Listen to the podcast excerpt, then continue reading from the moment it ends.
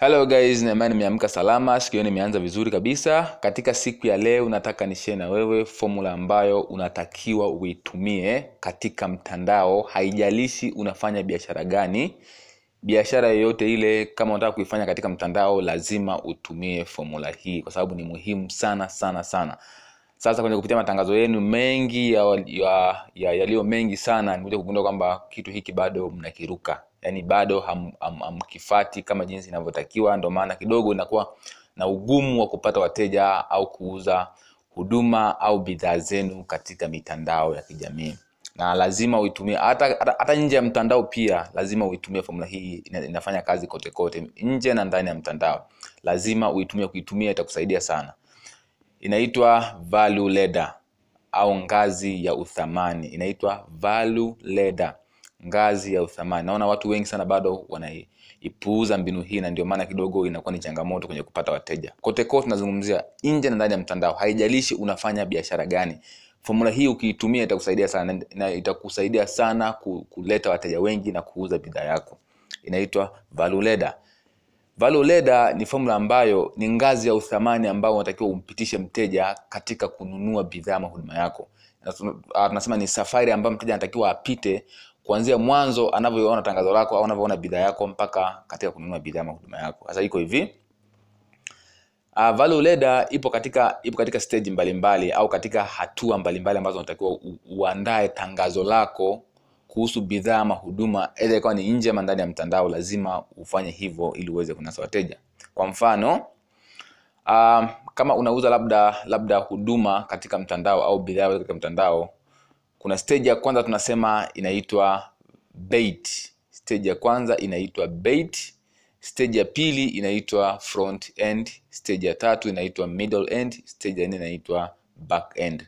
Lakini stage ya nne haijalishi inaweza ukaziweka nyingi tu stage ya nne. Inategemea na na, na, na, na, na na ngazi ya uthamani wa bidhaa yako umeiandaaje. Ila sasa cha msingi cha muhimu zaidi ni hizi stage, stage mbili za mwanzo. Stage ya kwanza tunasema ni bait stage ya pili tunasema ni front end. Maana yake ni kwamba bait maana yake ni chambo unaotakiwa uitoe kwa wateja wako kama kitu cha kuwavuta wateja ili waje waone uthamani kwanza wa kile ambacho wanakiuza kabla hawajanunua. Kabla hawajaingia hatua ya pili ambayo tunasema ni front end. Front end maana yake ni ni bidhaa yako ya kwanza ambayo unaiuza kwa wateja wako. You see sasa nimeona kitu nimeona kwamba kwenye matangazo yaliyo mengi sana ya watu walio wengi wanaanzia stage ya pili wanaanzia stage inayoitwa front end yani wanaanza kuuza bidhaa moja kwa moja kwa mteja wako. Aidha kwenye matangazo ama kitu chochote kile. Yani stage ya kwanza ambayo inaitwa bait au tunasema ni preframing. Stage ya kwanza ndio, ndio muhimu zaidi ambayo itakufanya uuze ama usiuze. Iko hivi kwa mfano mimi ningekuwa nauza kitabu vitabu vyangu online direct moja kwa moja na kuhakikishia nisingeuza vitabu. Nisingeuza vitabu kabisa. Kwa sababu gani? Kwa sababu tungekuwa tunaongea lugha tofauti na wateja wa, wateja watarajiwa. You see? Bait maana yake ni chambo. Chambo tunasema ni, tunasema ubongo wa binadamu hauwezi kuzuia kitu kinachoitwa free narudia tena ubongo wa binadamu hauna uwezo wa kuzuia au hauwezi kuzuia kujizuia katika kitu kinachoitwa free yani bure. Kitu free katika tangazo lako hakitakiwi kukosa. Ndio maana ukiingia katika matangazo online wanakwambia ni free book. Click here kupata kitabu chako. Ukibonyeza pale wanakuletea fomu ya malipo. Kwa nini? Wametumia neno free kama kama kama neno la kufanya wewe uchukue hatua au uchukue uamuzi. You see au wana, wana, wana, kama wanauza kitu fulani wanakwambia ni free report kuhusu kitu fulani. Hiyo free report ukishapata mwisho wa ripoti wata, wata, wata, wata, wanaenda kuuza bidhaa ama huduma yao. Hiyo ndio tunasema bait au chambo. Kwa mfano labda kama unafanya business yako labda nje ya mtandao unaweza kusema kwamba labda una saluni. Unasema labda kunyoa ni bure kunyoa bure. Lakini ukishanyoa unapita katika katika, katika stage, stage, stage mbili au stage labda ukishanyoa lazima uende, uende scrubbing. Scrubbing pale itabidi ulipe pesa. Na kulipa pesa utalipa pesa utakava na gharama ya kunyoa. Lakini uliambua kunyoa ni bure. Hii ndio tunasema ni bait. Free. Yani hakikisha kwenye tangazo lako liwepo neno free. You see? Na nacho kitu cha free un- unacho ulichokiahidi lazima ukitoe kwa wateja wako lengo hilo ni kwamba ni, ku, ni, ku, ni, ku, ni kumfanya mteja aingie katika funnel. Tunasema funnel aingie kwenye funnel yako au aingie kwenye mfumo wako wa mauzo ili uweze kumuuzia bidhaa ama huduma yako kirahisi. Hii ndio tunasema ni funnel. Kwa hiyo hakikisha katika nimeona matangazo ya wengi sana katika mtandao wana, wanatangaza kuuza direct moja kwa moja bidhaa na huduma zao katika mtandao. Hiyo huwezi huwezi fanya. Yani huwezi huwezi huwezi uza moja kwa moja kwenye mtandao. Mauzo yanafanyika nje ya mtandao mpaka mteja wako aje katika kijiwe chako either ni kwenye email either ni kwenye messenger au kwenye whatsapp ndiko mauzo yanakofanyika lakini ukitaka kuuza moja kwa moja kwenye, WhatsApp- kwenye mitandao ya kijamii huwezi pata wateja na ndicho watu ambacho wanakifanya wengi sana. You see? Kwa hiyo kama unataka kutangaza bidhaa ama huduma yako katika mtandao hakikisha au nje ya mtandao hakikisha kuna una kitu ambacho unaweza ukampa mteja wako free ikawa kama chambo.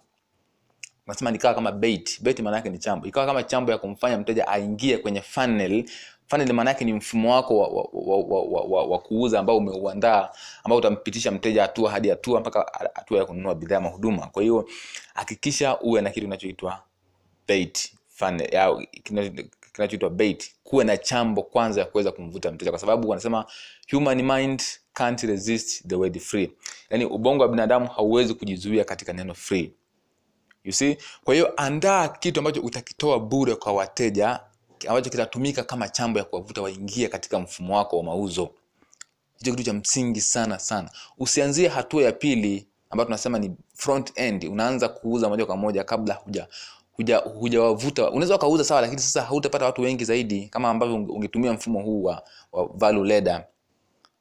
You see? Kwa hiyo jitahidi sana. Nimeona nimeona hapo ndiko shida ilipo. Matangazo mengi yanaruka hapo kama unapunguza uzito kama una, unafanya biashara ya kupunguza uzito hakikisha kuna umeandaa umeandaa labda hata trainings labda ya, ya trainings ambayo unaitoa bure kwa ajili ya kupungua uzito na watu wakaona matokeo kabisa hapa ndipo uuze bidhaa ama huduma yako. You see? Na ukishaandaa kitu kitu cha uh, kitu kinachoitwa free labda unato, unatoa free training tayari mtu ameshaingia kwenye kwenye mfumo wako wa nani? Kwa hiyo itakuwa rahisi hata kujenga uhusiano na kununua bidhaa yako kuliko kuuza moja kwa moja kwa hiyo hakikisha unaandaa fikiria katika bidhaa unayoifanya ni kitu gani ambacho unaweza ukatoa free kwa wateja wako ambacho kitakuwa kama chambo ya kuwavuta wateja waje. Wakisha kuja itakuwa rahisi kuuza kwa sababu tayari umeshawavutia kwako. You see kwa hiyo hicho ndio kitu ambacho wengi bado tunamisi. Kwa hiyo unapoandaa tangazo la bidhaa ya huduma yako angalia ni kitu gani ambacho unaweza kukitoa free hapo na, na, na, uh, ili ili ujenge ujenge umjengee mteja mazingira ya kujua unachokiuza kina maana hii. Ili kabla ya kumuuzia hicho kitu au ameshajua kwenye unachokiuza kuna kitu gani. Tunasema ni pre-framing. Kwa hiyo hiyo hiyo hiyo free hiyo chambo unaoitoa lazima iwe namjengea picha mteja. Yaani chambo unaoitoa iendane na bidhaa unayotaka kuiuza. Ili kuwa kuna uhusiano pale aone kwamba unachomuuzia kinaendana na, na, na, na hicho ambacho umempa bure you see kwa hiyo ni kitu cha msingi sana sana sana Ukifanya hivyo itakusaidia kuongeza mauzo ya bidhaa ama huduma yako. Asanteni sana